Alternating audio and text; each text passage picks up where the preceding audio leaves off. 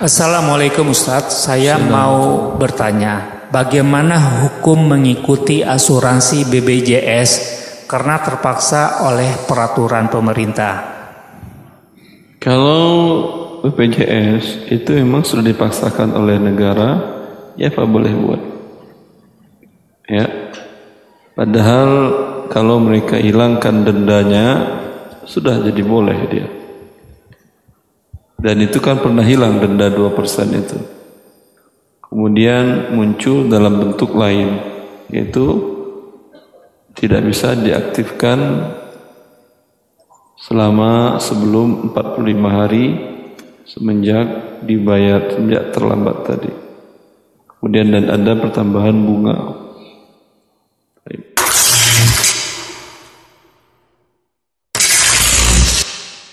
Imam Syafi'i mengatakan wanita itu semua aurat kecuali wajah dan telapak tangan. Beranjak daripada hadis Bukhari yang menjelaskan tentang masalah uh, apa namanya? Bolehnya wanita membuka wajah dan telapak tangan di solat dan bolehnya juga wanita membuka telapak tangan dan wajah pada saat dinazar dilihat oleh laki-laki yang mau menikahinya. Nah, beliau mengatakan di sini berarti hukumnya sunnah saja cadar itu. Dan ini juga didukung oleh Syekh Albani rahimahullah. Beliau menulis buku tentang sunnahnya menggunakan cara dan bukan kewajiban. Tapi Syekh Tuijri dan Syekh-Syekh yang lain para ulama-ulama sekarang banyak mereka mengatakan kembali kepada Imam Ahmad mengatakan cadar itu dan kaos tangan wajib bagi wanita. Apalagi kalau wanita itu adalah fitnah. Dasarnya punya kulit yang putih, memang fitnah. Telapak tangannya dilihat jadi bagi fitnah bagi orang gitu kan. Wajahnya kalau dibuka malah berbahaya menjadi fitnah. Maka ini sampai pada tingkat diwajibkan baginya untuk menutup dirinya dari fitnah. Karena tujuan hijab itu sebenarnya adalah menyelamatkan wanita dari fitnah. Allahu alam. Jadi ini insya Allah tergantung kondisi gitu kan. Anda bekerja di perusahaan sebagai kolektor. Setiap penagihan utang kepada pelanggan, saya dapat lebihan uang dari tagihan tersebut. Misalnya saya menagih jumlahnya 20 juta 900 rupiah. Kemudian digenapkan menjadi 20 juta 1000 rupiah. Apa hukum saya menerima uang tersebut? Yang ngasih uang dari konsumen ya? Iya. Ini kolektor kolektor transaksi kredit atau? Ya kredit Ustaz. kolektor bank? Wallahualam. Wallahualam ya. Kalau kolektor bank ya tetap harus keluar ya. Penagih utang dari lembaga kredit atau lembaga ribawi harus keluar. Tapi kalau dia kolektor dari perusahaan yang halal misalnya perusahaan punya konsumen yang konsumen itu beli secara kredit atau klien yang dia membelinya tidak tunai maka kolektor ini kolektor yang halal Setiap bentuk macam-macam modelnya. Taib. Ya akhi. Ta'zir bil mal. Memberikan sanksi dengan bentuk harta. Ya. Jumhur para ulama mengharamkannya. Karena bisa membawa kepada memakan harta orang dengan cara yang batil seperti dalam kasus anda ini dan banyak kasus yang lain terkadang sebagian sekolah lembaga pendidikan Islam malah ketika anak terlambat diantarkan orang tuanya ke tempat sekolahnya dikenakan denda satu sak semen. Terlambat 100 orang bangun 5 tower dia sudah. Iya atau tidak? Ini ta'zir bil mal ini ya dalam syariat memang ada. Tapi syariat membuat apa namanya instrumen pendukungnya untuk menerapkan ini yang menerapkan harus waliul amr. Dan wali amarnya adil. Karena bila waliul amr tidak adil seperti tadi dia bisa memakan harta orang dengan cara yang batil dengan seperti kasus anda juga. Paham? Kecuali umpamanya yang buat ini adalah seperti perusahaan membuat karyawan yang terlambat didenda dalam bentuk dipotong gajinya. Memang harus dipotong gajinya dia nggak masuk. Tapi mungkin dipotongnya lebih besar daripada gaji perhariannya gaji hariannya umpamanya 100 ribu terlambat 3 jam 100 ribunya nggak dapat. Padahal dia kerja 8 jam. Harusnya kan 5 jamnya dapat dia kan? Tapi ini yang sisanya adalah denda keterlambatan tadi. Ini boleh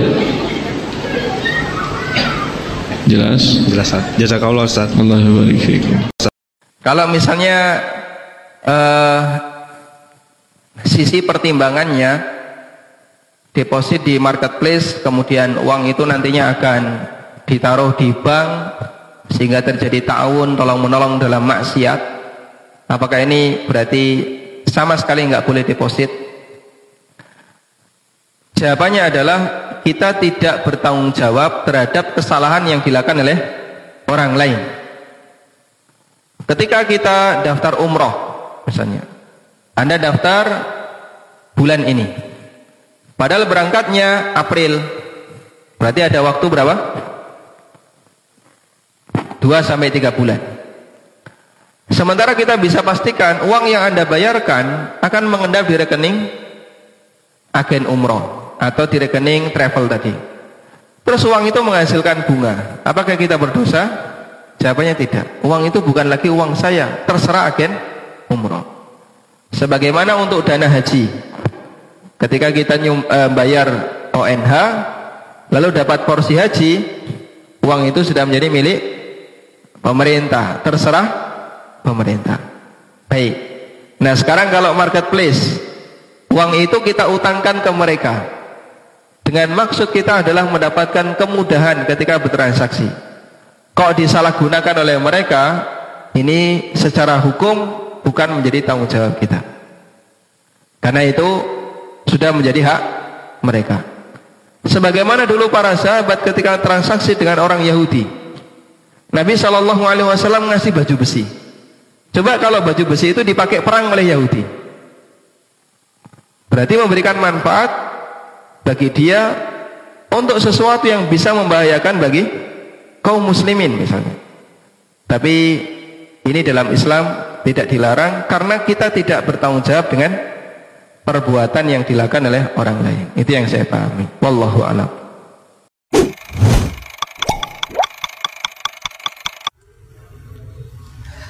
Tadi kita sudah bahas tentang masalah goror ya.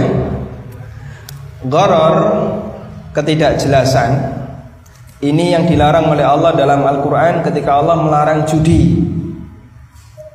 Ketika Allah melarang judi, innamal khamru wal maisiru wal ansabu wal azlamu rijsun min amali syaitan fajtanibuhu la'allakum tuflihun.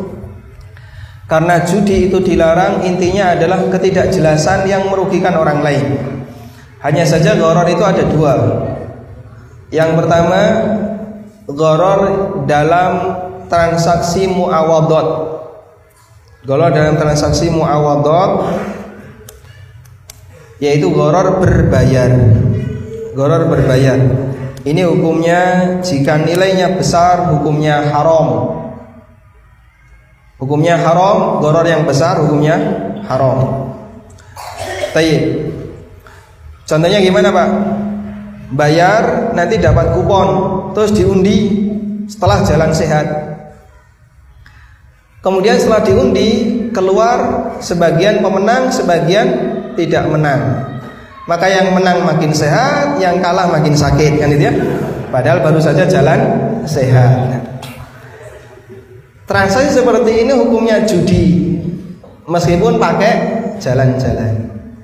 Sehingga hukumnya goror berbayar ini hukumnya haram. Yang kedua, goror dalam transaksi tabarruat. Goror dalam transaksi tabarruat atau goror yang tidak berbayar yang gratis hukumnya boleh dengan sepakat ulama Contoh goror yang gratis gimana pak? Misalnya begini, Mas Mas, ayo ke rumah nanti tak kasih sesuatu. Dikasih apa? Ya yes, pokoknya adalah gak jelas goror. Ya mesti goror kan gak apa kan. Jangan mau datang tak kasih, nggak datang juga nggak apa-apa. Baik, boleh nggak seperti itu? Boleh. Kenapa? karena nggak nggak bayar, karena gratis.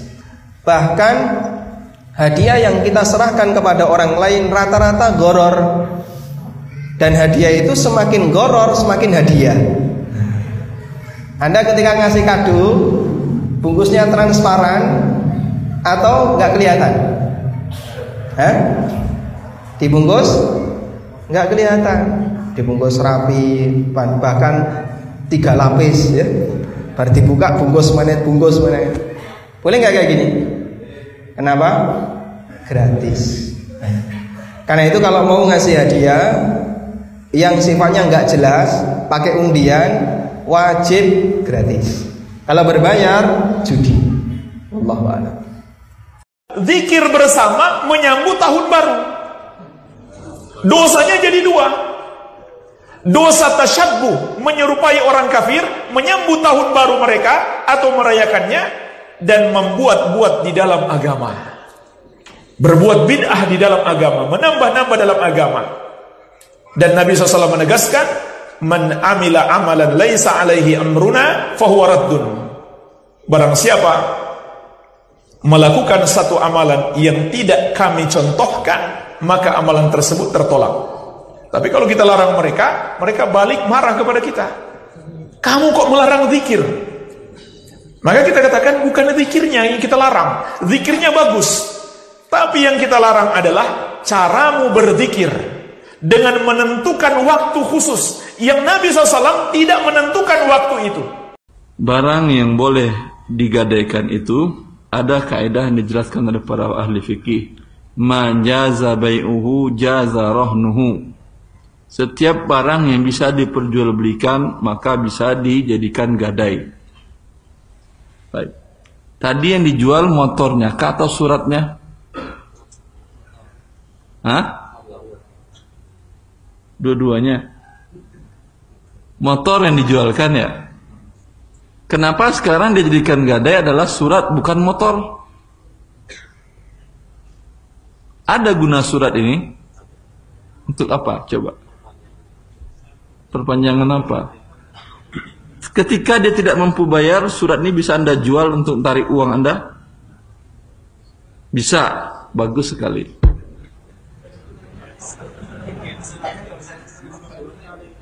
Ada surat ini bisa dijual oleh dia. Surat tanah berapa untuk jual? Jangankan surat tanah. Ijazah S3 saya dari Saudi Arabia saya ambil di Riyadh. Saya kira orang Indonesia yang jurusan itu baru saya sendiri. Berapa antum mau beli? Asli, asli. Berapa antum mau beli? Mau 5 juta? Hah? Untuk apa juga bagi dia? Jelas? Tidak ada gunanya ya. Maka tidak sah di dalam akad gadai menggadai barang yang digadaikan itu tidak bernilai, tidak bisa diperjualbelikan ijazah S3 tidak bisa diperjualbelikan. Surat apa tadi? Surat sertifikat rumah tidak bisa diperjualbelikan. Ya.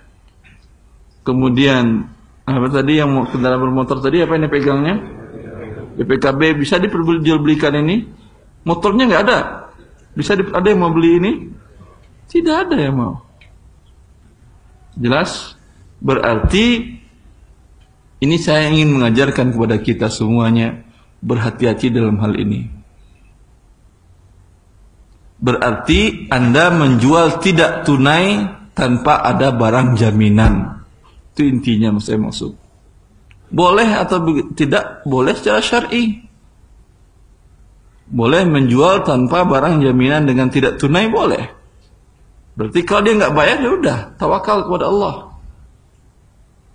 Ya, seperti yang diriwayatkan oleh Rasulullah SAW bahwa ada dua orang Bani Israel sebelum kalian. Dia pinjam uang sebanyak seribu dinar. Kemudian yang beri pinjaman mengatakan hati syahidain. Coba datangkan dua orang saksi dalam akad ini. Kata dia cukup Allah menjadi saksi. Kata dia hatil kafil datangkan orang yang penjamin. Seperti saat Nuar tadi. Kata dia kata yang minjam wakafa billahi kafila. Cukup Allah saja yang menjadi penjamin. Kata dia siap ini uang. Berarti ada nggak saksi? Ada atau tidak penjamin?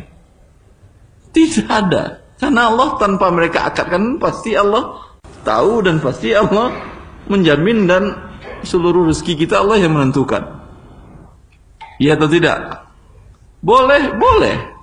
Tetapi resikonya tinggi.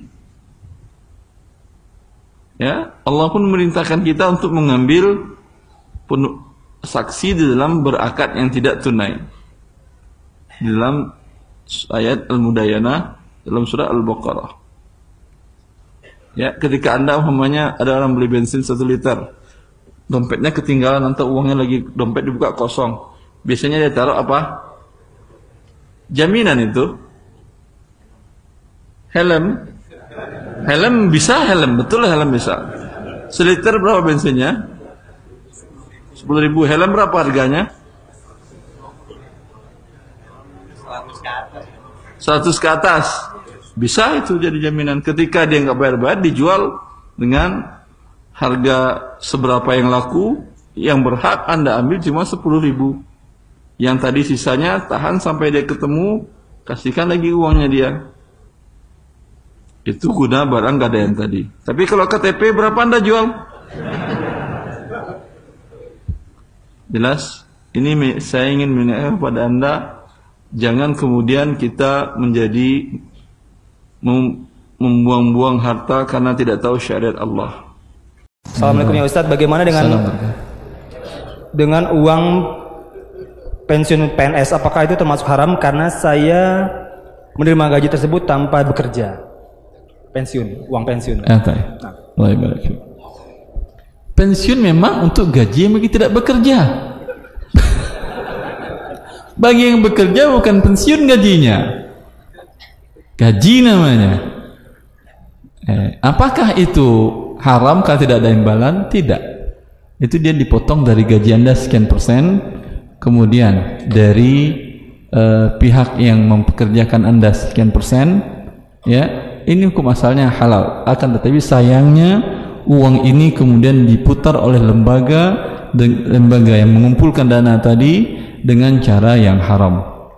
Anda tidak berdosa dengan syarat Anda mengambil uang sebesar uang Anda dan uang diberikan oleh perusahaan atau instansi.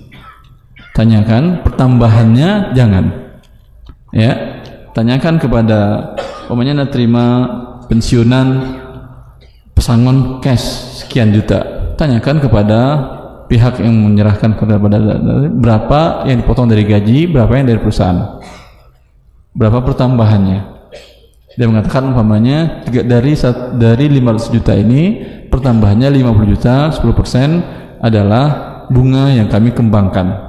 Ya yang sisanya yang bunga 50 juta tadi berikan kepada fakir miskin ini tidak halal bagi anda kecuali ketika terima uang segitu Ustaz saya fakir miskin. 500 juta fakir miskin mungkin mungkin karena rumah sudah terjual semua utangnya banyak. Hah? ah, ambil semuanya alhamdulillah kalau gitu anda fakir miskin karena terlilit hutang rumah sudah habis segala macam ah ambil semuanya beli rumah lagi Baik. Assalamualaikum warahmatullahi wabarakatuh. Apakah halal hadiah yang diterima guru atau wali kelas dari siswanya yang biasanya diberikan saat kenaikan kelas Ustaz? Dan tambahan yang lain walaupun tidak diminta itu ya. Guru di sebuah lembaga pendidikan baik di sekolah menengah, sekolah dasar dan seterusnya, pesantren. Mereka sudah digaji atau tidak? Sudah, sudah digaji. Ya. Maka untuk jabatan ini mereka sudah dapat gaji. Dalam hadis Ibnu Sibiyah yang dia ditugaskan oleh Rasulullah SAW untuk menarik zakat dari Bani Sulaim. Terus terang, dia menyampaikan kepada Rasulullah, ya Rasulullah, hadza lakum wa Wahai Rasulullah, ini tugas yang aku diperintahkan untuk menarik zakat dari Bani Sulaim. Ini dia zakatnya.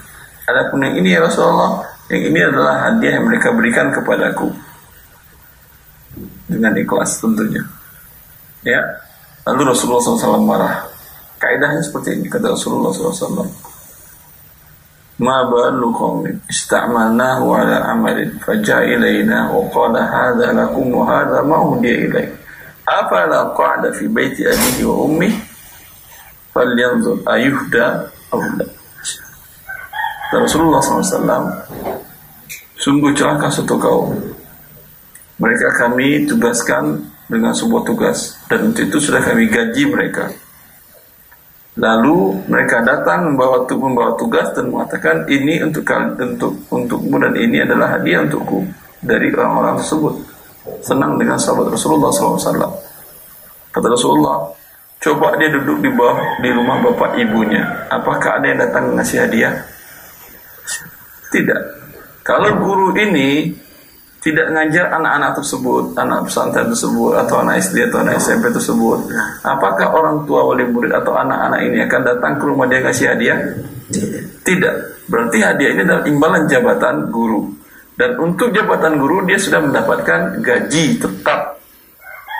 Kalau dia ingin terima hadiah, katakan kepada pihak sekolah, bulan ini saya tidak terima gaji aja, saya terima hadiah saja dari anak-anak. Dengan demikian hadiah ini adalah milik orang yang menggajinya, yaitu eh, pihak yayasan. Kalau yayasan mengizinkan, boleh. Tapi biasanya kalau yayasan berkebijakan demikian, sekolahnya menjadi hancur. Kenapa? Karena orang tua wali murid lama-lama memberikan hadiah sebesar-besarnya kepada guru tadi dan guru tadi terpaksa memberikan tidak adil kepada murid-muridnya. Ya pasti. Sahih. Tambahan saya tahu walaupun pemberian hadiah secara murni inisiatif dari orang tua sama saja. Wah, sama tidak ada beda yang murni inisiatif tidak inisiatif kalau tidak diminta ya, akhi. Nah, Saya alhamdulillah saya dosen pasca sarjana ekonomi Islam di salah satu perguruan tinggi di Bogor. Dalam bimbingan mahasiswa S2 ya mahasiswa saya mungkin tahu insya Allah ta'ala ada salah seorang mahasiswa ada beberapa kasus datang ketika bimbingan ya datang ke rumah. Dia mengatakan Ustadz saya dari kota A dari Jawa Barat. Alhamdulillah saya perlu oleh-oleh ini oleh Ustaz mohon diterima. Saya kata saya, saya katakan anda mau bimbingan bawa oleh-oleh. Ya oleh-olehnya kalau saya terima, saya terima tapi nilai anda saya rendahkan kurangin. Mana dia. Kenapa Ustaz kata dia karena Anda mencoba menyogok dosen. Nah, kalau Anda ingin saya objektif mengasih nilai Anda, ambil buat lagi hadiahnya. Tentu lebih enak ambil hadiah daripada rugi dua kali. Rugi hadiah, kemudian nilai Ya, harusnya begitu sebagai seorang guru. Karena kita sudah diberikan gaji untuk bimbingan tadi kalau misalkan ada orang tua atau wali murid yang memberikan hadiah atau uh, tanda terima kasih kepada wali kelas, wali santri, itu hukumnya seperti apa? Rasuah. Sama rasuah ya? Rasuah itu hukumnya pemberi dan penerimanya dalam neraka. Berarti kasihan guru pesantrennya. Gara-gara terima hadiah Anda dia masuk neraka. Padahal dia berniat ngajar di pesantren agar masuk surga walaupun mungkin kesejahteraan tidak terlalu dia perhitungkan. Gara-gara anda beri rasuah malah dia masuk neraka. Afwan Ustaz yang menerima pun do, berdosa yang memberi pun berdosa juga bukan jadi. berdosa masuk neraka. Ya, Rasulullah Ustaz. bilang ar-rashi wal murtashi finnar. Pemberi riswah penerima riswah dalam neraka. Jelas Jelas Ustadz. Tapi uh, kalau misalkan niatnya si wali santri itu dengan rasa ucapan terima kasih gitu Ustadz, masih nggak boleh? Apa di luar sekolah baru memberikan atau gimana? Memberikan kalau lagi. anak anda udah tamat dari sana, Ahwan ya. Ustadz saya masih single. Saya case-nya di sini menanya, menanyakan adik saya seperti itu. Ah, adik anda. Uh. Kalau adik anda sudah tamat, ya kasih grup pesantren itu mobil rumah boleh. Oh ya Ustaz. Ya, ya. Syukur Ustaz ya. Wassalamualaikum warahmatullahi wabarakatuh. Assalamualaikum warahmatullahi wabarakatuh. Guru yang sudah dapat gaji kemudian guru tersebut dapat hadiah dari muridnya itu hukumnya haram. Ya betul tidak boleh dia menerima hadiah dari siswa. Hadiatul umma li Para ulama membuat kaidah bahwa hadiah bagi orang-orang yang statusnya adalah bekerja dari orang yang mendapatkan jasanya bukan orang yang mempekerjakannya kalau dari pihak yang mempekerjakannya beri hadiah boleh. Namanya atasannya yang berikan dia hadiah boleh. Atau instansinya berikan dia hadiah atau bonus atau akhir tahun atau apa gaji 13 14 15 16 alhamdulillah boleh tapi kalau itu semua dari orang yang menggunakan jasanya, Ini namanya riswah. Ini haram. Rasulullah telah mengancam pemberi dan penerimanya dalam neraka.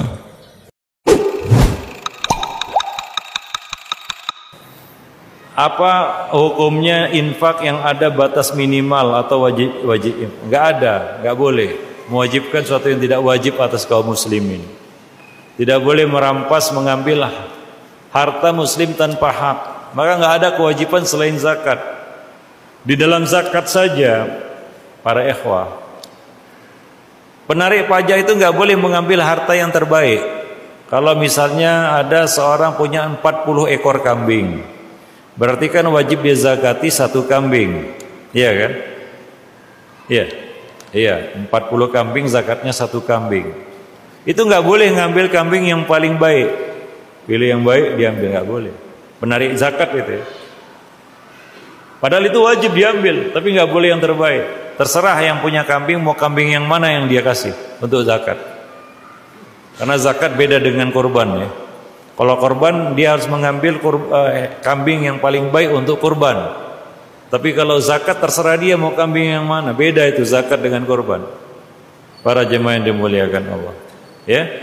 Jadi nggak boleh kita mengambil harta seorang muslim tanpa hak. Tanpa sesuatu yang diwajibkan dalam agama. Yang wajib itu cuma zakat, yang lainnya nggak wajib.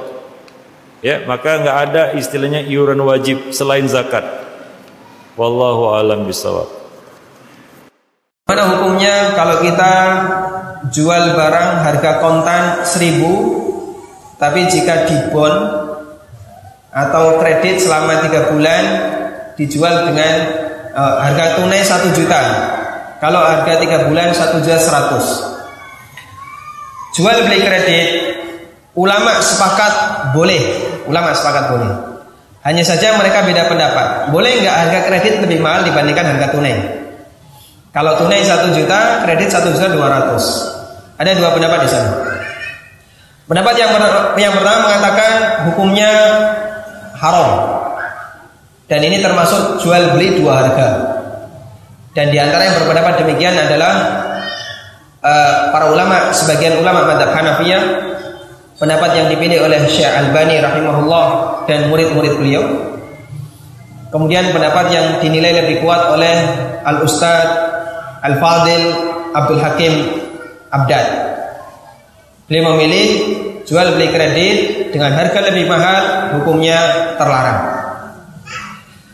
Kemudian pendapat yang kedua, jual beli kredit dengan harga lebih mahal hukumnya mubah. Dan ini pendapat jumhur ulama mendapat lajnah daimah, mendapat Syekh bin Bas, Syekh Utsaimin dan para ulama yang lainnya. Dan dalam hal ini bukan termasuk jual beli dua harga. Karena kalau kita misalnya mendisplay sebuah barang, di situ harga tunai satu juta, kredit setahun satu juta dua ratus, kredit dua tahun satu juta lima ratus misalnya. Maka yang terjadi di sini bukan jual beli dua harga. Kenapa? Karena pada saat deal transaksi kita milih berapa harga? Satu. Saya pilih harga kredit satu tahun. Berarti satu juta dua dua ratus. Berapa harga yang dipilih? Satu. Sementara yang di display yang dipajang ini kan sifatnya baru penawaran. Dan penawaran itu sudah akad atau belum? Belum akad. Karena sifatnya baru penawaran, tidak dihitung sebagai akad. Makanya adanya penawaran harga tunai sekian, kredit ini sekian, lebih panjang lagi sekian. Anda buat tabel yang panjang sekalipun, ini sifatnya penawaran. Dan penawaran belum dihitung sebagai akad. Sehingga kalau ini dihitung sebagai bagian dari jual beli dua harga, maka berarti menawar barang juga nggak boleh. Contoh ya, Anda datang ke counter tanya HP berapa ini Pak? 3 juta. Kalau 2 juta boleh nggak? Nggak boleh. Pasnya berapa? 2 juta 500. Deal 2 juta 500. Berarti ada berapa harga? 3. Ada 3. 3 juta, 2 juta, 2 juta 500. Dealnya berapa? 2 juta 500. Tapi yang dinilai harga yang mana? Yang 2 juta 500. Sehingga dalam hal ini tidak termasuk sebagai jual beli dua harga. Wallahu a'lam. Ustaz, uh, dibacakan lagi pertanyaan. Ada salah satu bank mewakafkan Al-Quran ke masjid apa hukumnya Ustaz? Semua dari riba tadi ya dia mewakafkan ke masjid dan ada logo bank ribanya. Ini dia mau jualan di masjid. Ya, jangankan lembaga riba, lembaga yang halal dia wakaf Al-Qur'an dia stempelkan logonya di sini. Hah? Tujuannya apa? Jualan kan ya. Rasulullah mengatakan, "Idza ra'aita man yabta'u wa yashtari fil masajid faqulu lahum la arbahallahu tijaratah." Bila engkau lihat orang yang berdagang di masjid, katakan kepada dia semoga Allah tidak memberikan keuntungan dalam perniagaanmu. Ya. Maka doakan perusahaan-perusahaan yang bawa logonya ke dalam masjid tadi, semoga Allah hancurkan usaha Anda dan tidak memberikan keuntungan. Ini tergantung akad Anda dengan teman Anda. Kalau akad Anda dengan teman Anda adalah akad wakalah, teman Anda bilang, ini saya punya barang produksi ini, silahkan jualkan. Bawa dulu boleh, terjual nanti baru bayar, boleh. Kalau nggak laku dikembalikan ke saya pun tidak apa-apa. Kalau ini boleh dia jualkan, kalau akadnya wakalah. Tapi kalau akadnya adalah jual beli, di mana si pemilik barang mengatakan kepada Anda, ini silahkan jualkan. Tapi ketika Anda ingin mengambil barangnya atau minta dia untuk kirimkan ke pihak ketiga pembeli dari anda dia mengatakan oh nggak bisa saya kirim sebelum anda bayar dulu ke saya. Maka ini akan yang terjadi adalah jual beli dengan si pemilik barang. Karena dia jual beli tidak boleh menjualkan kembali barang tersebut sebelum barang dia beli dengan akad dan dia terima. Maka ini termasuk menjual barang yang belum diterima yang diharamkan oleh Rasulullah sallallahu alaihi wasallam. Pertanyaan yang pertama, dilakukan oleh banyak orang membeli barang uangnya kurang maka membelinya dengan cara kredit. Bagaimana solusinya? Solusinya dilunasi Pak. Ya kalau pertanyaannya solusinya solusinya dilunasi. Kalau pertanyaannya bagaimana hukumnya? Jual beli kredit hukumnya boleh dengan ijma ulama. Dan bahkan Nabi Shallallahu Alaihi Wasallam sendiri pernah melakukannya di antara dalilnya adalah peristiwa beliau membeli gandum tapi karena nggak mampu bayar, maka yang dipakai jaminan apa? Baju besi. Dan sampai beliau meninggal, beliau belum sanggup untuk bayar. Siapa yang bayari? Yang bayari Abu Bakar As-Siddiq radhiyallahu anhu setelah Abu Bakar jadi khalifah. Baru baju besinya bisa dibebaskan. Sehingga baju besi ini bukan alat pembayaran. Kalau itu alat pembayaran berarti akad selesai. Namun yang terjadi akad belum selesai karena statusnya masih utang. Karena itu baju besi ini statusnya adalah barang jaminan, barang agunan dan bukan alat pembayaran. Dan alat pembayarannya baru diserahkan oleh Abu Bakar As-Siddiq radhiyallahu anhu setelah beliau jadi khalifah. Ini dalil bahwasanya jual beli kredit hukumnya boh? boleh. Namun yang jadi pertanyaan selanjutnya adalah bolehkah harga kredit lebih mahal dibandingkan harga tunai? Ada khilaf di antara ulama. Sebagian ulama mengatakan hukumnya haram. Dan ini pendapatnya Syekh Al-Albani, penulis kitab Sifat Salat Nabi sallallahu alaihi wasallam. Dan beberapa murid beliau seperti Syekh Salim bin In Ahilali, Syekh Masyur dan seterusnya. Dan pendapat ini juga yang dipilih oleh Al-Ustadz Abdul Hakim Abdad Pendapat yang kedua, bahwa jual beli kredit dengan harga lebih mahal hukumnya boleh. Dan ini pendapat jumhur mayoritas ulama. Ini pendapat mayoritas ulama. Mayoritas itu siapa saja? Majma' fikih Islami di bawah OKI maupun Robito. Pendapat yang difatwakan oleh Lajnah Daimah juga pendapat para ulama yang lainnya dan insya Allah pendapat kedua ini yang lebih benar sehingga hukum jual beli kredit dengan harga lebih mahal hukumnya diperbolehkan. Walhamdulillah. Nah. Saya mau bertanya bagaimana hukum jual beli kucing? Uh, kucing yang diperjualbelikan kucing ras atau kucing impor? Terima kasih. Wallah taala alam ada hadis tentang Rasulullah SAW nah Rasulullah SAW an bayi al-kalbi wal hir Rasulullah melarang menjual belikan anjing dan kucing. Walaupun sebagian ulama berbeda pendapat apakah kucing ini maksud di sini kucing rumahan atau kucing hutan. karena hir itu adalah sebagian menafsirkan dengan kucing hutan tapi secara makna umumnya adalah kucing dia misalnya jual beli dengan sistem buffet yang di hotel-hotel ya.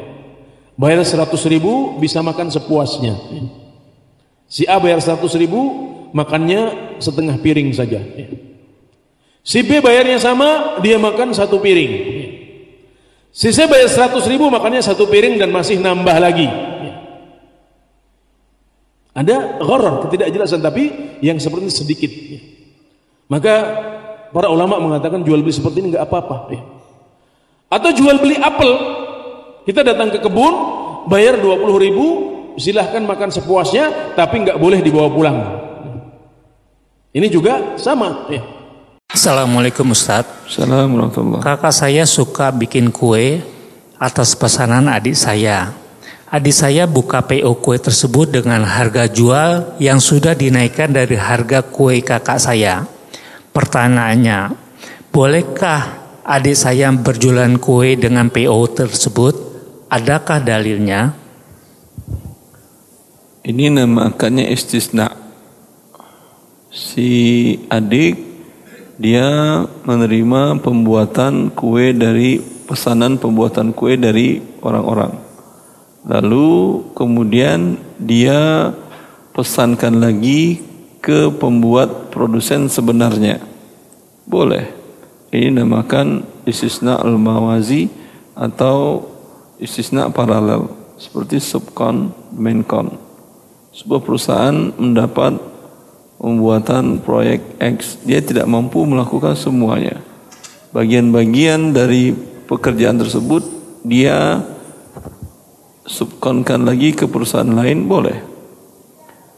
Sebuah usaha Anda memiliki usaha catering, orang pesan kepada Anda 10.000 porsi kemampuan maksimal catering Anda per hari itu menyediakan cuma seribu. Yang sembilan ribunya Anda subkonkan, subkonkan kepada catering-catering yang lain tapi dengan standar yang Anda sepakati dengan pemesan kepada Anda boleh. Ini maka dengan istisna mawazi. Sebagai karyawan kadang kita merasa jenuh dengan uh, rutinitas kerja sehingga kita merasa uh, pengen mencari kerjaan di tempat lain. Uh, bolehkah kita mencari pekerjaan lain, melamar-lamar di tempat lain, uh, di mana posisinya kita masih sebagai satu karyawan dari perusahaan tertentu, di mana uh, atasan, kemudian uh, pimpinan dari perusahaan uh, tempat tempat bekerja kita itu membolehkan seandainya ada karyawan yang mau uh, keluar mencari pekerjaan lain. Tapi secara syariat bolehkah misalkan kita masih sebagai karyawan dari perusahaan A tapi kita mencari pekerjaan di tempat lain? Jazakallah khair. Allah Anda masih terikat kontrak atau sudah selesai? Masih terikat, Ustaz.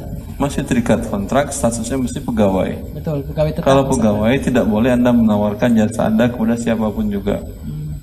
Meskipun dengan pengetahuan dari atasan atau manajemen seperti itu, Ustaz. Atasan pemilik perusahaan atau bukan? Bukan. Tapi dia misalkan masuk dalam manajemen uh, perwakilan dari pemilik perusahaan seperti itu. Andai Anda pemilik perusahaan, ada karyawan seperti itu, Anda biarkan atau Anda pecat langsung? Wallahu alam. Semoga.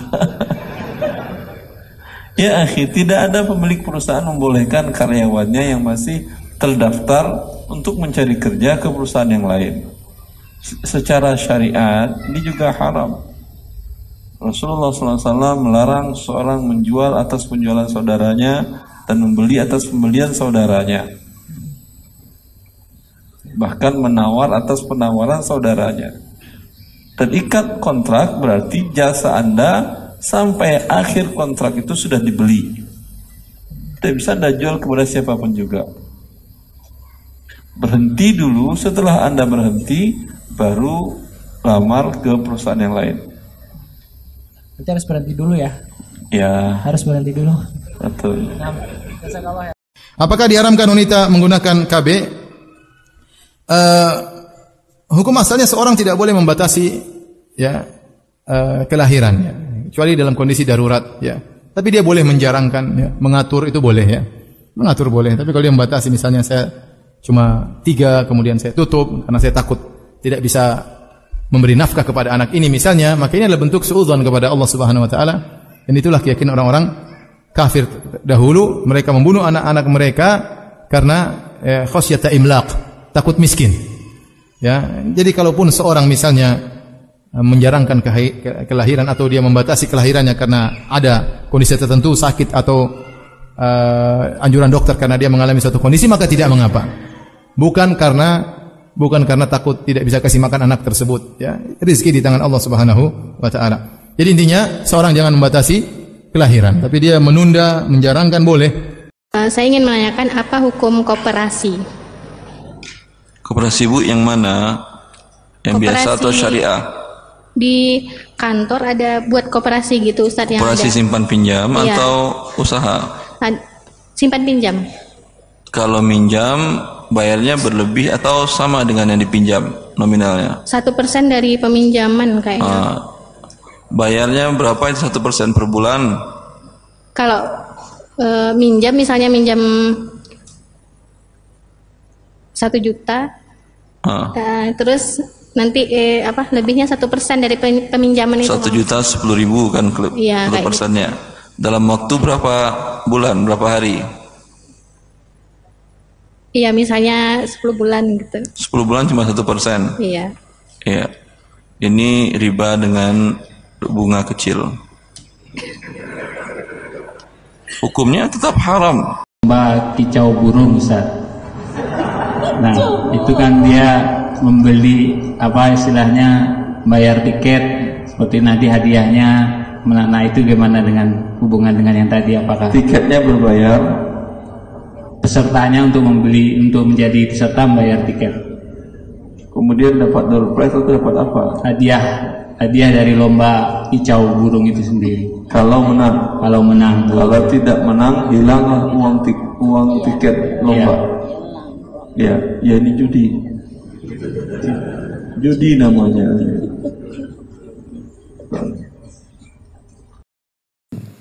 Selanjutnya, Assalamualaikum Ustaz. Saya pedagang dimodali teman 100 juta dengan sistem bagi hasil.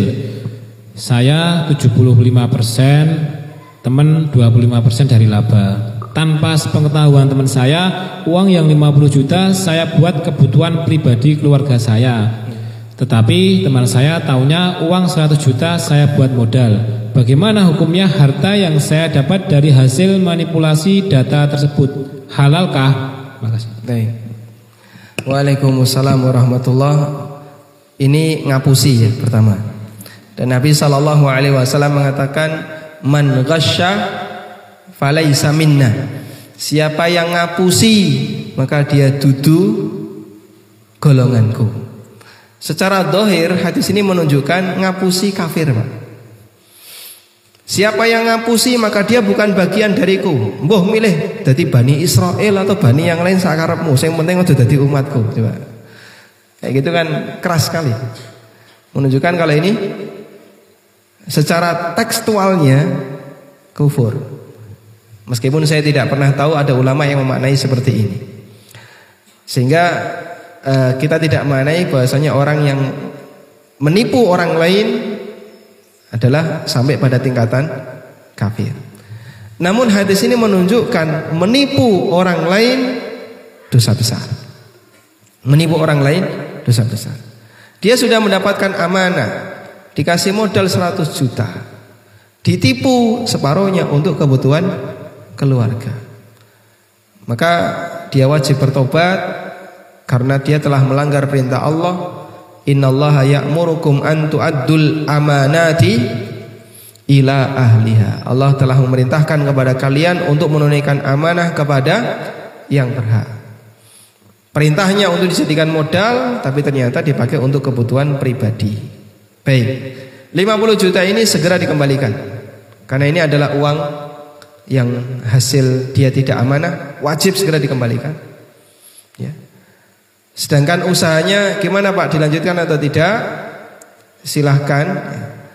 Uh, ini saya kasih solusi tapi rada ekstrim nggak apa-apa ya. Jadi Anda sampaikan uh, secara jujur ada yang nggak beres dengan usaha ini. Ya memang ini beresiko. Saya sangat yakin modal akan ditarik. Konsekuensinya ya. Dan yang kedua, Anda tidak akan dipercaya selamanya. Itu konsekuensi beratnya. Nah, kalau misalnya pilihan ini berani Anda lakukan ya semoga menjadi pelajaran yang berharga bagi Anda sehingga selanjutnya nanti tidak akan mengulangi. Atau pilihan yang kedua, segera Anda tutupi 50 juta itu dan gunakan untuk mengembangkan usaha. Sedangkan laporan-laporannya sampaikan secara jujur. Anda hanya berhak untuk mendapatkan hasil hasil dari keuntungan 50 juta meskipun pemodal berhak mendapatkan hasil dari keuntungan 100 juta. Jadi ngitungnya beda. Karena pemodalnya kan ngasih 100 juta. Berarti dia berhak untuk mendapatkan keuntungan dari modal proyeksi 100 juta.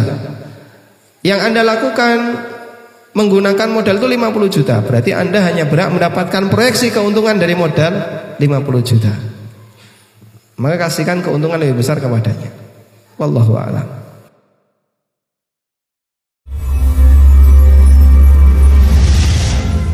Para ulama menyebutkan merupakan bentuk hal yang merupakan uh, perbuatan yang tidak baik bahkan dikhawatirkan itu bagian dari perendahan terhadap nama-nama Allah adalah memakai baju-baju bertulis la ilaha illallah Muhammadur Rasulullah atau yang di situ ada nama-nama Allah. Ya. Terkadang kita ingin membela kalimat tauhid tetapi karena ilmu bukan sebagai dasar kita dan hanya bermodal semangat belaka malah menjerumuskan kita kepada hal yang sama. Seperti kemarin Indonesia heboh aksi bela tauhid. Sehingga rame-rame beli topi bahkan ada yang buat topi. Ada yang bukan membela tauhid tapi memanfaatkan ya aksi bela tauhid. Ya, akhirnya dia ciptakan topi-topi yang bertulis dua syahadat. Baik, kemudian baju yang bertulis dua syahadat. Baik, setelah itu ketika dia buang hajat. Kira-kira buka nggak bajunya? Kalau dia misalkan pakai WC umum, dia tinggalkan baju celana di luar WC, mungkin enggak masuk ke dalam WC. Itu pelecehan terhadap nama Allah. Kemudian baju tersebut ketika dia cuci bercampur dengan baju pakaian anak-anak kecil dia. Anak kecil dia yang bernajis, ya kan? Kemudian satu saat baju itu akan menjadi sam sampah.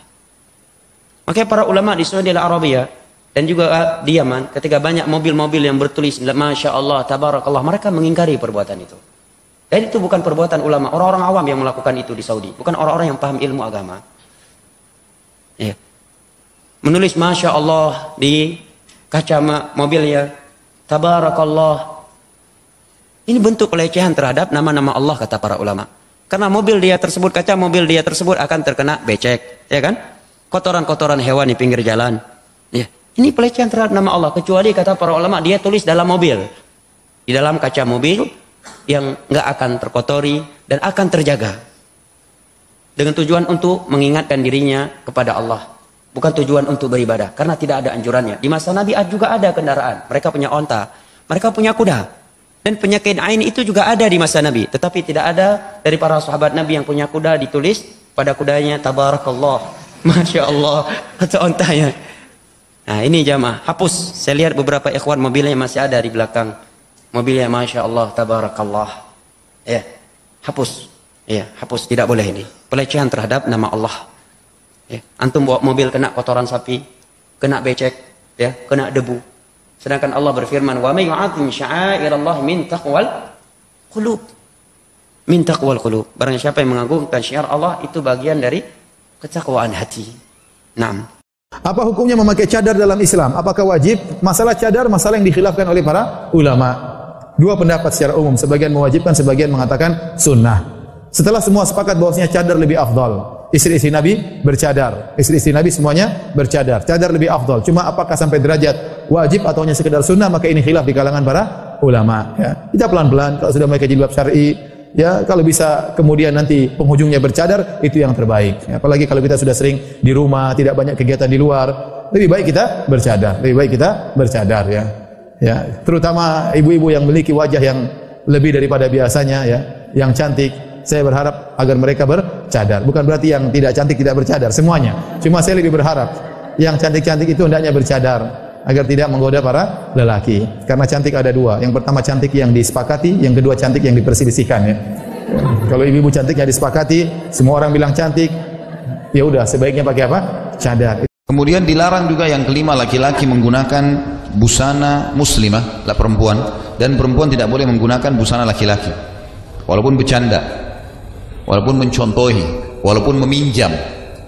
Mungkin teman-teman bilang saya nggak mungkin pakailah baju perempuan. Misalnya ikhwal sini atau laki-laki atau ibu-ibu belakang mengatakan tidak mungkin saya pakai baju laki-laki. Tapi banyak orang gunakan pakaian baju pasangannya. Misal karena buru-buru mau ke dapur lalu si istri memakai kemeja suaminya. Contoh saja dia tidak maksud apa-apa. Tapi ini masuk dalam larangan tidak boleh. Atau mungkin laki-laki buru-buru mengambil air minum, dia pakai daster istrinya. mungkin. Yang ketawa mungkin pernah coba ini. Karena Rasulullah SAW bersabda di dalam hadis yang sahih riwayat Bukhari,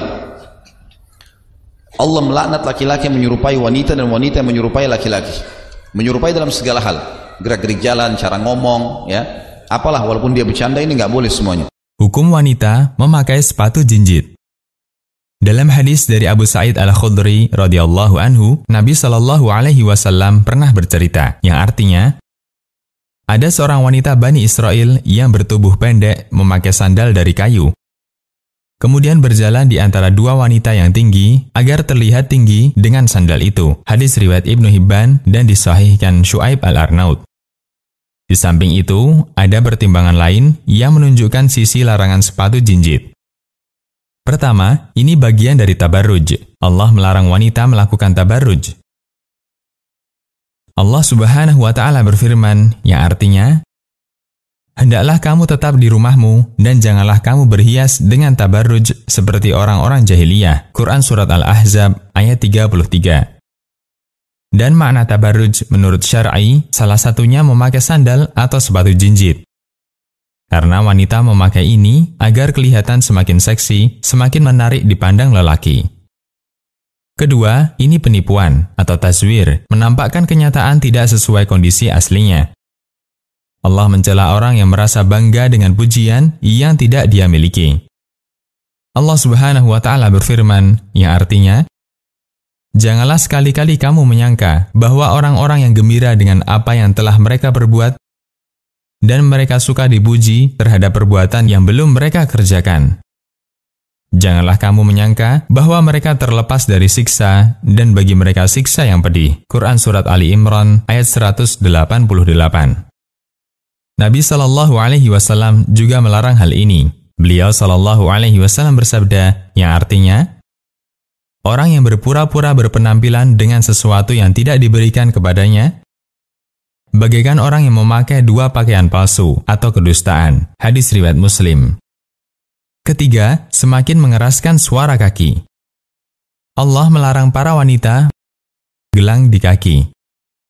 Allah Subhanahu wa taala berfirman yang artinya Janganlah mereka kaum wanita menghentakkan kakinya saat berjalan hingga diketahui bahwa mereka menggunakan perhiasan yang tersembunyi. Quran Surat An-Nur ayat 31 Memakai sepatu atau sandal jinjit seperti ini akan menimbulkan suara yang menarik perhatian lawan jenis. Lebih-lebih, jika haknya runcing, maka suaranya semakin keras. Padahal tindakan ini bisa lebih cepat mengundang perhatian lelaki dan membangkitkan syahwat mereka. Keempat, membahayakan kesehatan. Hanya saja, meninggalkan larangan syariat karena alasan kesehatan bisa jadi tidak ada nilai pahalanya. Demikian Allahu a'lam. Konsultasi Syariah. Di mana Nabi SAW bersabda atau Ali berkata radhiyallahu anhu, "Kana Rasulullah SAW la yahjubuhu anil Qur'ani syai'un laisal janabah." La yahjubuhu syai'un anil Qur'ani laisal janabah. Nabi SAW tidak terhalangi untuk baca Al-Quran kecuali junub saja. Kecuali hanya gara-gara junub, baru dia tidak baca Al-Quran. Tidak ada kondisi apa pun yang menghalangi Nabi untuk baca Al-Quran. Kecuali satu kondisi itu dalam kondisi apa? Junub. Hadis ini diriwayatkan oleh Ashabus Sunan. Itu uh, Sunan Abi Dawud, dalam Sunan Tirmidzi, Sunan Nasai, Sunan Ibnu Majah dan juga disahihkan oleh Tirmidzi dan Ibnu Hibban. Namun hadis ini dhaifkan oleh Imam Bukhari. Hadis ini dhaifkan oleh Imam Al-Bukhari. Ibnu Hajar rahimahullah taala dan dia bermadhab Syafi'i, dia mengambil jalan tengah, kata hadisnya hasan. Hadisnya apa? Hasan. Nah, kalau hadis ini hasan berarti hujjah. Kalau hujjah berarti orang junub tidak boleh baca Al-Qur'an. Syekh Albani rahimahullah taala dalam hadis ini dia mendhaifkan, dia hadis dhaif. Syekh Albani mendhaifkan hadis hadis ini. Bagaimana hukum membeli sayur yang belum siap panen seperti membeli bawang merah yang masih ditanam? Di sini membeli tidak tahu apakah bawang merahnya bagus atau tidak. Kalau belum siap panen, dalam arti masih lama untuk bisa diambil, maka hukumnya tidak diperbolehkan. Karena ini masih besar kok gorornya. Tapi kalau sudah siap panen, namun ditunda pengambilannya sehari atau dua hari, diperbolehkan dan ini tidak termasuk goror yang dilarang. Misalnya barang uh, bawang satu sawah satu petak sawah sekian meter ditebas nah kita kan bisa menggunakan prediksi setelah dibayar pengambilannya 2-3 hari hanya karena masalah nunggu transportasi ini bukan termasuk ijon yang dilarang karena selisih waktu hari ini nilai kegagalan dan keberhasilan tidak terlalu berpengaruh. Bukan gara-gara ditunda dua hari terus gagal total atau hasilnya lebih banyak tidak. Karena itu dalam posisi ini hukumnya diperbolehkan. Assalamualaikum wabarakatuh. Ustaz misalkan saya naik Gojek harga 13.000, saya bayar 15, tipsnya 2.000 itu boleh atau riswa Ustaz? Boleh karena pihak perusahaannya membolehkan kepada drivernya menerima fee. Kalau misalkan saya cukur juga saya kayak gitu boleh Ustaz? Apa? bukan Gojek misalkan saya cukur biar tiga cukur cukur juga saya tukang kasih cukur tips. ini karyawan atau dia pemilik usaha Nah, karyawan di sana tertera nggak no tipping? Saya nggak lihat Ustaz. Nggak. Tanyakan ke bosnya minta nomor handphone bosnya. Ini boleh nggak saya kasih dia fee tip? Kalau bosnya bilang tidak boleh haram anda kasih. Kalau dia bilang boleh halal. Jazakallah khair Allah barik fi kasih. Barang siapa yang menyingkirkan gangguan dari jalannya orang-orang Islam maka akan ditulis bagi dia satu kebaikan. Kalau menyingkirkan gangguan dari jalan itu bisa membuat orang itu masuk surga. Itu sebuah amal kebajikan berarti meletakkan sesuatu yang mengganggu di jalan orang-orang Islam itu sebuah kezaliman yang mengantarkan ke neraka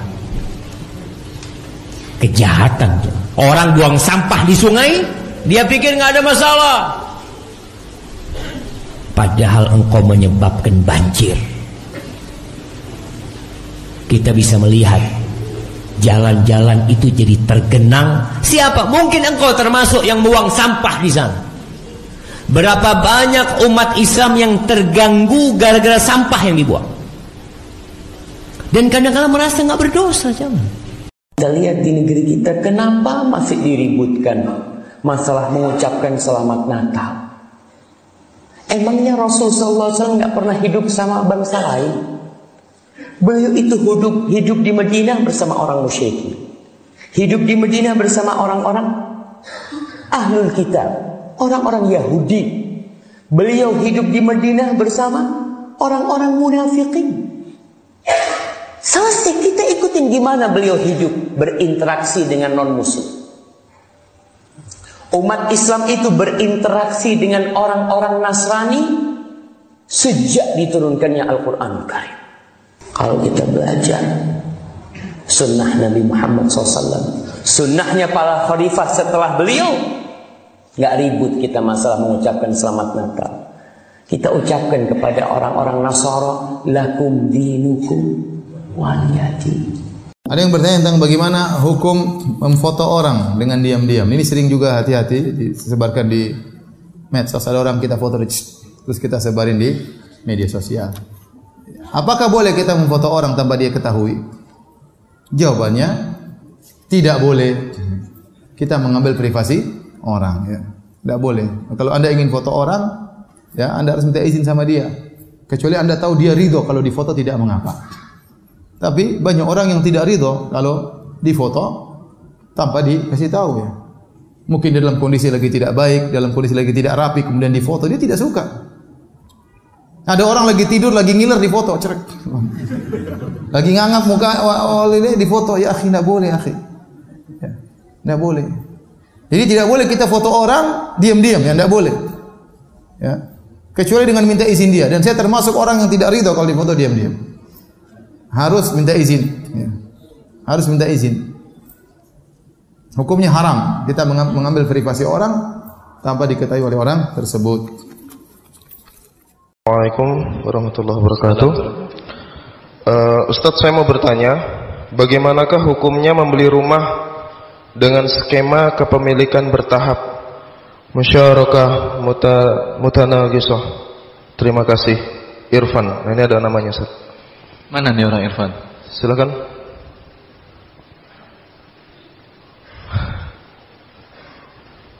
Mana kata itu ada? Ini ada namanya Irfan. Dan namanya orangnya ada. Nama samaran nampaknya. Saya menanyakan tentang musyarakah mutanakisah ini MMQ. Saya menanyakan, bagus pertanyaannya. MMQ. Mana yang bertanya? Kepada Baik. Bapak Irfan, betul. Kalaupun nggak ada siapa yang yang kerja di bank syariah pasti tahu ini MMQ itu apa. Mana dia? Yang karyawan bank syariah. Gak ada karyawan bank syariah di sini.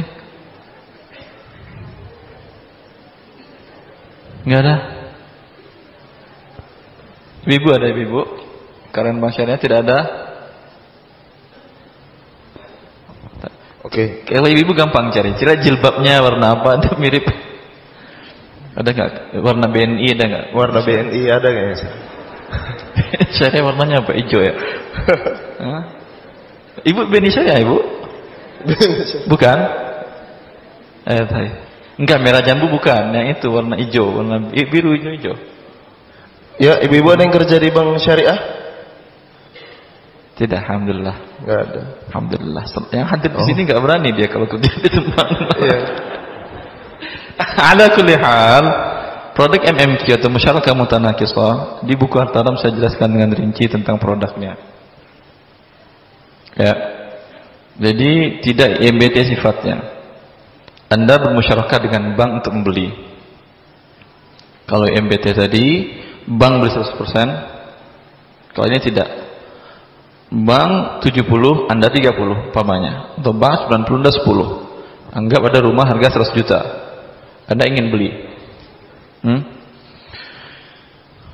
Buji punya punya uang cuma 10 juta. Kita bank, udah kami saham kami 90%, 90 juta, Anda 10 juta. Nih, silahkan ambil uang ini dan beli. Semenjak diambil uang itu, langsung dia mengatakan satu paket ya, bukan berarti kita menjadi milik bersama, begitu saja tidak. Tetapi yang saham kami 90% rumah kan anda tempatin kan ya? Hah? Faham? Anda harus bayar kepada kami 90% dari sewa rumah itu. Anda sewa rumah adalah sebulan, setahun satu juta, ada sewa bulan satu juta? Rumah setahun satu juta sewanya ada? Satu juta setahun di sini nggak ada. Ada. Sepuluh juta? Langka. Langka? Langka. Subhanallah. Kalau di Makassar satu juta satu tahun ada Zat? Ada. Sepuluh juta setahun type. Sepuluh juta 10 juta setahun langka setahun. juga. Ah, anggap biasa. Oh ada ada ada. Ente spesifiknya terlalu tinggi beliau speknya. 10 juta ada. Ada, type. Lalu bank mengatakan, ini sekarang ya, kami berikan eh, 90 juta kepada Anda, 10 juta dari uang Anda silahkan beli dan sekarang berarti Anda nyewa rumah kepada kami setahun 9 juta Anda bayar ke kami.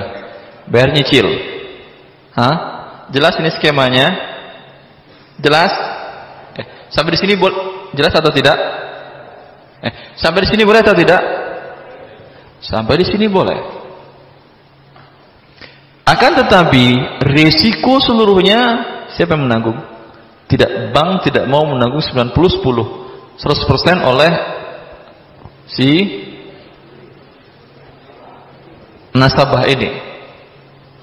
Rumah hancur, rumah rusak, pokoknya tetap bersewa terus. 90% dari kepemilikan si bank tadi. Maka Allah taala alam ini belum lagi menjadi solusi untuk akad menjadi syar'i, masih mengandung bau-bau riba atau memang riba sesungguhnya dia. Jelas? Bagaimana yang real yang syar'i? Umpamanya beliau ingin beli rumah. Ah? Harganya 100 juta. Tapi punya uang 50 juta baru. Saya katakan, saya punya 50 juta. Ini uang, silakan beli. Jelas?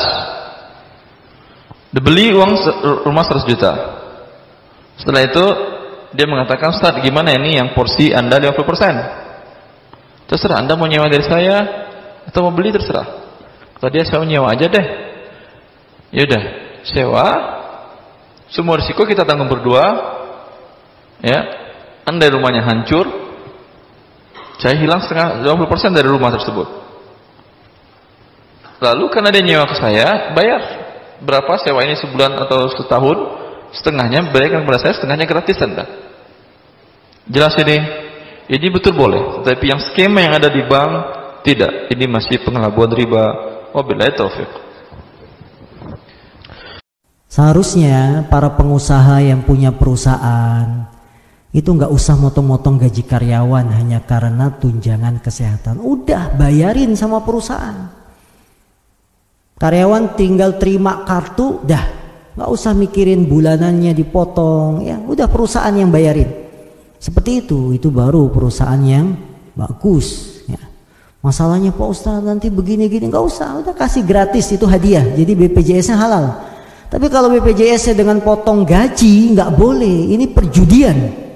Bayar premi tiap bulan gaji kita dipotong, ya. Kalau dalam setahun tidak sakit, tidak ada komplain, uang tidak bisa kembali tapi begitu ada musibah kita baru setor dua bulan dapat gantinya lebih banyak. Ini maisir goror nggak boleh. Jenggot itu sunnah Nabi alaihissalatu wassalam. Kita tuh kalau cinta sama orang kita akan ikutin dia. Sampai orang yang cinta sama Messi itu pakai jenggot eh hey, Messi lagi pakai jenggot sekarang nih. Dia pakai jenggot karena Messi bukan karena Nabi Shallallahu Alaihi Wasallam dan itu yang terjadi jamaah. Jadi kalau sunnah Nabi, aduh anak belum mampu. Sir. Nantilah kalau anak mampu. Tapi kalau Messi dia mampu jamaah. Jadi, aduh usahakanlah jamaah. Kita berusaha untuk antum dapat pahala jamaah. Dapat pahala. Cuma saat anak tuh kalau pakai jenggot katanya, aduh ada kambing lagi lewat. Ibu-ibu kalau suaminya pakai jenggot, dicium dagu suaminya. Ya Allah, nih sunnah Nabi nih. Jangan aduh bang nih cukuran nih cukur itu ibu-ibu seharusnya dukung suaminya bukan malah aduh janganlah bang kelihatan tua enggak lah Nabi SAW itu makhluk yang paling indah jamaah. Jenggot itu sunnah Nabi SAW. Kita tuh kalau cinta sama orang, kita akan ikutin dia. Sampai orang yang cinta sama Messi itu pakai jenggot. Eh hey, Messi lagi pakai jenggot sekarang nih. Dia pakai jenggot karena Messi bukan karena Nabi Shallallahu Alaihi Wasallam. Dan itu yang terjadi jamaah. Jadi kalau sunnah Nabi, aduh anak belum mampu. Sir. Nantilah kalau anak mampu. Tapi kalau Messi dia mampu jamaah. Jadi, aduh usahakanlah jamaah. Kita berusaha untuk antum dapat pahala jamaah. Dapat pahala. Cuma saat anak tuh kalau pakai jenggot katanya, aduh ada kambing lagi lewat. Ibu-ibu kalau suaminya pakai jenggot, dicium dagu suaminya. Ya Allah, nih sunnah Nabi nih. Jangan aduh bang nih cukuran nih cukur. Itu ibu-ibu seharusnya dukung suaminya. Bukan malah aduh janganlah bang kelihatan tua. Enggak lah. Nabi SAW itu makhluk yang paling indah jamaah. pertanyaan selanjutnya. Ustadz kami memiliki usaha jasa perbaikan seperti AC dan peralatan listrik lainnya Bagaimana hukum memperbaiki peralatan tersebut di bank konvensional? Apakah termasuk ta'awun? Syukran jazakallah khair. Eh, Masya Allah. Perbaiki listrik dan AC. Perbaiki listrik dan AC di bank konvensional. Kalau bank itu AC-nya mati, listriknya mati, masih jalan nggak sistemnya? Masih jalan atau tidak? Mati Listrik mati gimana? Tidak, nggak bisa. AC-nya mati bisa kerja karyawannya? Eh, karena AC Anda nyaman, dingin, maka dia mencatat ribanya semangat.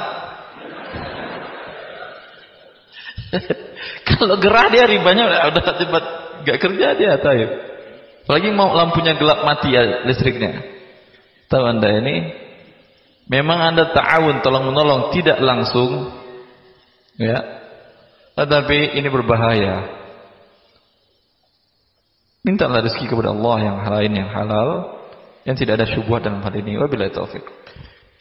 Memulai ucapan salam kepada orang kafir itu perkara yang dilarang dalam syariat Islam. Karena Nabi Shallallahu Alaihi Wasallam telah menjelaskan, la tabdaul Yahuda wan Nasara salam. Jangan kalian memulai ucapan salam kepada orang-orang Yahudi dan Nasrani. Dan hukum selain orang Yahudi dan Nasrani sama hukumnya. Karena tidak ada dalil yang membedakan. Oleh karena itu, tidak boleh kita memulai mengucapkan salam kepada mereka. Karena salam itu artinya doa untuk selamat. Bagaimana mereka akan selamat selama mereka berada dalam kekufuran? Adapun bila mereka memulai salam kepada kita mengucapkan assalamualaikum, maka kita menjawab dengan waalaikum, cukup dengan waalaikum. Nah, begitu yang diajarkan Nabi Shallallahu Alaihi Wasallam.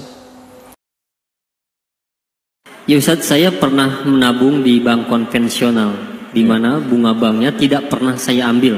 Nah, ya. pertanyaannya, Bolehkah bunga bank itu saya berikan kepada uh, salah satu keluarga saya Ustaz? Eh, bunga riba untuk keluarga saya.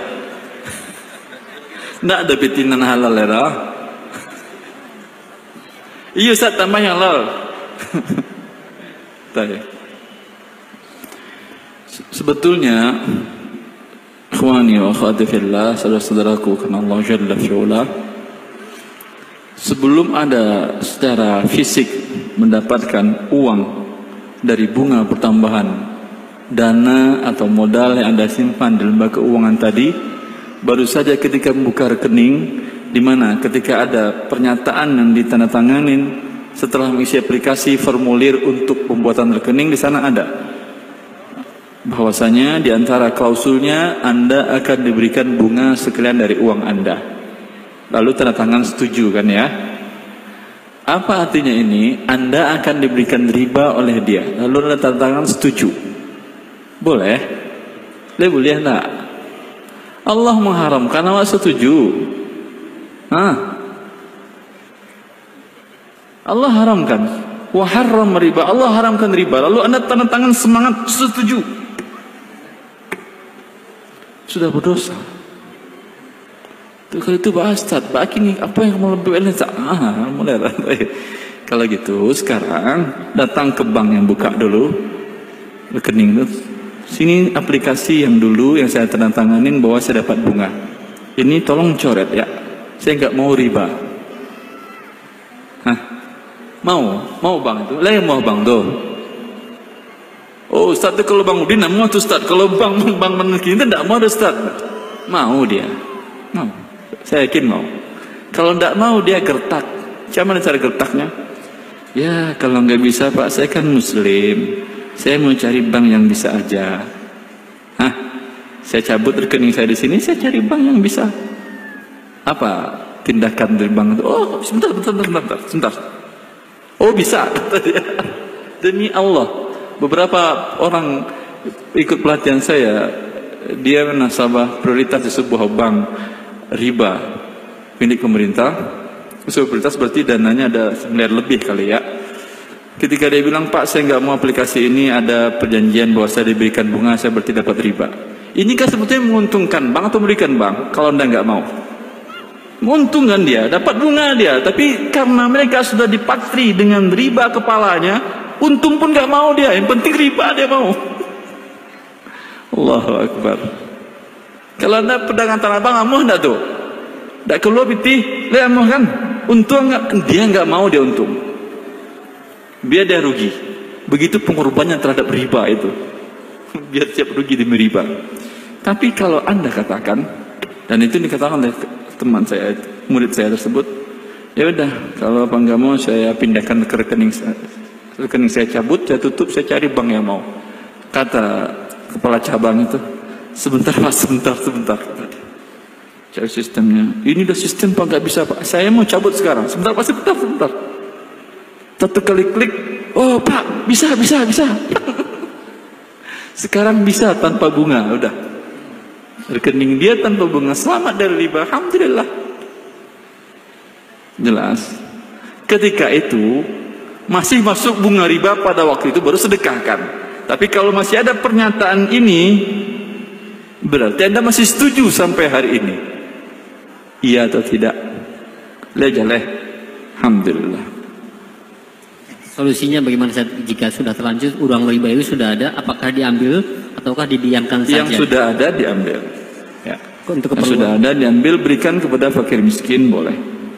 Ya, jelas. Baik kerabat apa pun orang lain. Kalau kerabat tersinggunglah hatinya. Nih, kau ada piti riba sekene nih, bisa piti riba sangenek lah ya Allahu Akbar. Lagi yang halal lagi tidak banyak. Piti riba bukan kan kecil kan? Kasih zakat sedekah anda tadi mana?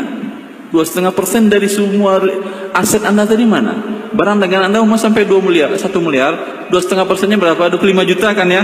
Nih, kopi 25 juta nih ha. Sedekah, zakat, halal. Sana ngatiuni tadi teh ni ke ada gak sekenek dari ibu peti riba bisa tuh ya pelecehan ini kalau mau juga kasih riba diam-diam aja kasih aja anda lihat dia pakai miskin kalau anda mau uang riba penguang riba kita Allah barik akad anda menabung itu dalam pandangan syariat nama akadnya apa? Kok anda memberikan pinjaman kepada pihak bank? Ya. Anda statusnya mukrid pemberi pinjaman bank penerima pinjaman. Dan dalam syariat pemberi pinjaman tidak boleh mendapatkan manfaat dari penerima pinjaman. Di sini nasabah yang penabung memberikan pinjaman uangnya kepada bank tadi untuk digunakan oleh bank. Maka statusnya mukrid dan bank muktarid yang meminjam maka hadiah yang diberikan oleh bank kepada penabung murni riba dan haram.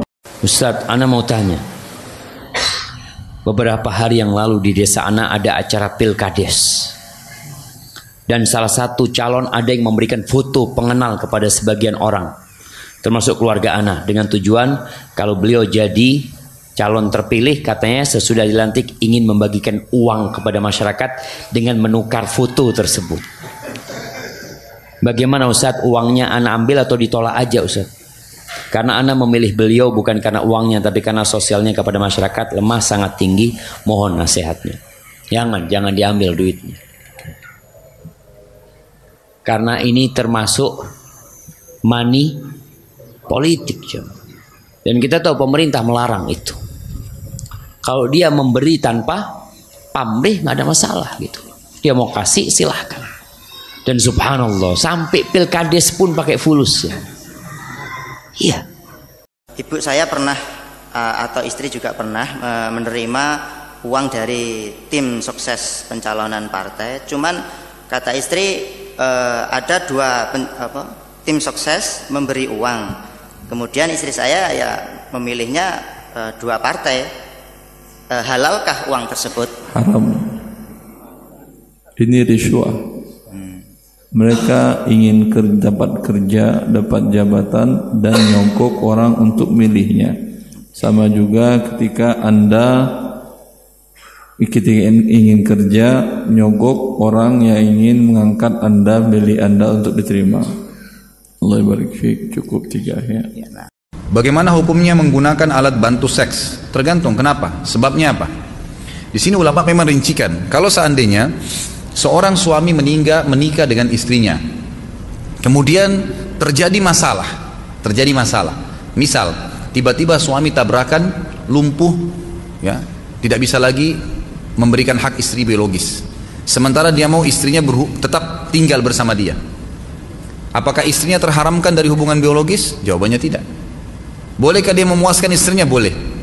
Sebagian ulama mutaakhirin yang sekarang mengatakan boleh dia menggunakan alat tangannya atau alat yang lain untuk dia melakukan pada istrinya karena ada udur. Karena kalau tidak istrinya bakal ke mana-mana. Sama hal kalau kalau kalau kalau suami kan masih bisa poligami, kalau istri nggak bisa kecuali dia cerai. Jadi ada dua cara, dia memuaskan istrinya dengan cara yang dibolehkan secara syar'i atau dia menceraikan istrinya. Istrinya dibiarkan nikah dengan laki-laki lain. Kalau ada seperti ini keadaannya ya. Alhamdulillah wassalatu wassalamu ala Rasulillah wa ala alihi wa ashabihi wa man wala. Amma ba'd. Berikut ini pertanyaan dari saudari Devin Agustin di Sukabumi. Ustadz, bagaimana kita tahu Ustadz, sebagaimana kita tahu sekarang banyak sekali mukena yang berwarna-warni, baik motif maupun warna dasarnya. Yang ingin saya tanyakan adalah bagaimana hukum menggunakan mukena yang berwarna-warni tersebut. Apakah boleh jika mukenanya berwarna putih tapi banyak motifnya dan motifnya berwarna-warni. Mukena yang bagaimana yang diperbolehkan? Terima kasih. Jawaban dari pertanyaan ini adalah bahwasanya tidak ada batasan warna tertentu atau motif tertentu yang boleh dipakai dalam sholat. Baik bagi pria maupun wanita. Dan yang harus dihindari adalah eh, warna-warna yang uh, mencolok ya, atau menggoda. Ya. Ini yang harus dihindari oleh uh, orang-orang yang sholat termasuk para wanita. Dan apa yang disebutkan dalam pertanyaan ya berupa mukena yang berwarna putih tapi memiliki motif-motif tertentu ya maka ini menurut hemat kami tidak sampai mencolok ya tidak sampai uh, menggoda ya atau menjadi zina ya. Dan karenanya tidak masalah bagi seorang wanita untuk memakai mukena tersebut ya Eh, baik uh, di rumah sendiri maupun saat uh, memakainya di masjid. Ya, tidak ada masalah. Dan ini yang uh, menjadi keputusan Dewan Fatwa Perhimpunan Al-Irsyad pada uh, pertemuan yang ketiga di Pekalongan beberapa waktu yang lalu. Ya. Wallahu a'lam. Kalau melakukan hajatan, kalangan jahiliyah itu dia masukkan tiga anak panah. Ada tulisannya if'al, lataf'al, terus yang satu kosong lakukan tidak lakukan kosong. Terus dicabut nanti dia pilih. Oh hajatan ini boleh nih ya. Lanjut. Namun kalau dia yang cabut la taf'al. Oh jangan nih ya. Jadi diundur ya. Itu namanya azlam dulu itu. Nggak boleh. Contoh penerapannya kalau yang sama dengan ini itu hitung-hitung hari. Itu ada. Yang laki-laki ahad leki. Yang perempuan selasa pon. Nah itu dihitung. Nah terus nanti dijumlah. Mirip. Apa maksudnya? Kok mirip Oh sama-sama itu tentukan nasib itu. Mau nikah atau tidak coba dia? Ya orang Jawa aja nggak tahu kalau kayak gini ini syirik-syirik itu. Itu belum hajatannya tanggalnya loh itu. Itu baru cocok atau enggak? Belum lagi tentukan tanggal. Oh nanti tanggalnya nanti sesuaikan lagi. Wah ini jangan sampai kematiannya simbah. Wah ini ada mbah buyut lagi. Wah coba kalau tiap bulan kayak gitu ada yang mati coba. Nggak nikah nikah kamu. Indonesia Bertauhid TV Bismillah. Assalamualaikum warahmatullahi wabarakatuh Nahmaduhu wa nasta'inuhu wa nastaghfiruh wa na'udzu billahi min sururi anfusina ma ba'd. Teman-teman semua yang dirahmati Allah taala di penghujung akhir tahun ini pastinya akan banyak beragam di antara bentuk ucapan yang akan disampaikan oleh teman-teman kita bahkan tidak menutup kemungkinan orang-orang yang kemudian non muslim atau kafir. Maka sebuah pertanyaan perlu kita kemudian ketahui dan perlu kita pahami bahwa apa hukum ketika seorang kafir atau sebaliknya orang muslim mengucapkan kepada orang kafir kalimat tahniah atau kalimat selamat terkait dengan hari raya ataupun hari-hari tertentu yang dimiliki oleh orang-orang kafir. Pastinya seorang muslim punya ideologi, punya keyakinan yang harus dimiliki sebagai bentuk lakum dinukum waliyadin. Maka apa hukum seorang muslim mengucapkan selamat kepada orang kafir, baik terkait dengan hari raya ataupun yang semisal dengan itu? Ada sebuah perkataan Ibnu Qayyim rahimahullah taala yang sangat bagus sekali beliau mengatakan bahwa apa hukum mengucapkan tahniah dalam syiar orang-orang kafir. Beliau mengatakan bahwa jumhurul ulama bittifaq hukumnya haram. Kenapa demikian? Karena beliau menyebut salah satu di antara kalimat yang beliau katakan ucapan tahniah selamat kepada orang kafir ketika memperingati hari raya mereka ataupun puasa-puasa mereka ini termasuk di antara bentuk kategori tasabuh dan Al-Imam Baihaqi rahimahullah taala beliau memiliki bab dalam kajiannya dalam kitab Sunan beliau tentang bab dilarangnya orang-orang kafir atau orang-orang muslim khususnya adalah orang muslim mengucapkan kepada orang-orang kafir dengan kalimat terima kasih ataupun ucapan-ucapan dengan bentuk memuliakan orang kafir. Ini kalimat yang benar dilarang dalam Islam. Dalam sebuah hadis Nabi kita Muhammad bin Abdullah Sallallahu Alaihi Wasallam pernah mencantumkan ya, ketika Umar bin Khattab mengatakan dari Anas bin Malik radhiyallahu taala anhu istanibu ada Allahi fi idihim. Beliau mengatakan hindarilah, jauhilah semua musuh-musuh Allah Subhanahu wa taala dalam bentuk perayaan mereka. Termasuk di antaranya mengucapkan kalimat tahniah untuk orang-orang kafir. Dan ini bagian daripada hal yang diharamkan dalam syariat. Maka teman-teman semua yang dirahmati Allah Ta'ala penting sekali untuk kita perhatikan karena Islam telah dijelaskan dalam Al-Quran dan As-Sunnah dan bagaimana ketika Nabi kita Muhammad bin Abdullah Shallallahu Alaihi Wasallam mempraktekkan masalah ini beliau pun juga sangat kemudian memperhatikan terkait dengan e, bentuk sosial dengan orang-orang Yahudi waktu itu tetapi beliau tidak pernah kemudian mengucapkan tahniah mengucapkan selamat khususnya terkait dengan masa raid hari raya mereka ataupun bab masalah puasa ataupun ritual-ritual khusus yang dimiliki oleh orang-orang Yahudi ataupun orang Nasrani. Maka kita yang mungkin sebentar lagi memasuki di tahun baru ya di mana tahun baru Masehi ini menjadi salah satu di antara ujian besar bagi kaum muslimin. Jangan sampai walaupun itu adalah keluarga dekat kita saudara kita bahkan mungkin dengan teman-teman akrab kita. Jangan pernah mengucapkan kalimat tahniah kalimat selamat di mana kalimat tersebut adalah kalimat yang telah dilarang oleh Nabi kita Muhammad Shallallahu Alaihi Wasallam. Demikian semoga bermanfaat. Assalamualaikum warahmatullahi wabarakatuh. Dan yang terakhir jemaah sekalian, ulama empat mazhab. Ulama Islam dari empat mazhab seluruhnya sepakat mengucapkan selamat Natal atau selamat terhadap hari raya orang kafir hukumnya haram. Silahkan buka buku-buku fikih dari empat mazhab semuanya menyatakan haram. Jadi kalau ada orang yang dianggap ulama atau dianggap tokoh agama mengatakan boleh dan halal berarti dia menyelisihi kesepakatan ulama menyelisihi kesepakatan ulama pasti salah, tidak mungkin benar. Sama dengan ulama sepakat solat lima waktu itu wajib. Kalau ada yang mengatakan, ada yang mau berbeda pendapat, solat maghrib sunnah. Dia pasti salah, nggak mungkin benar.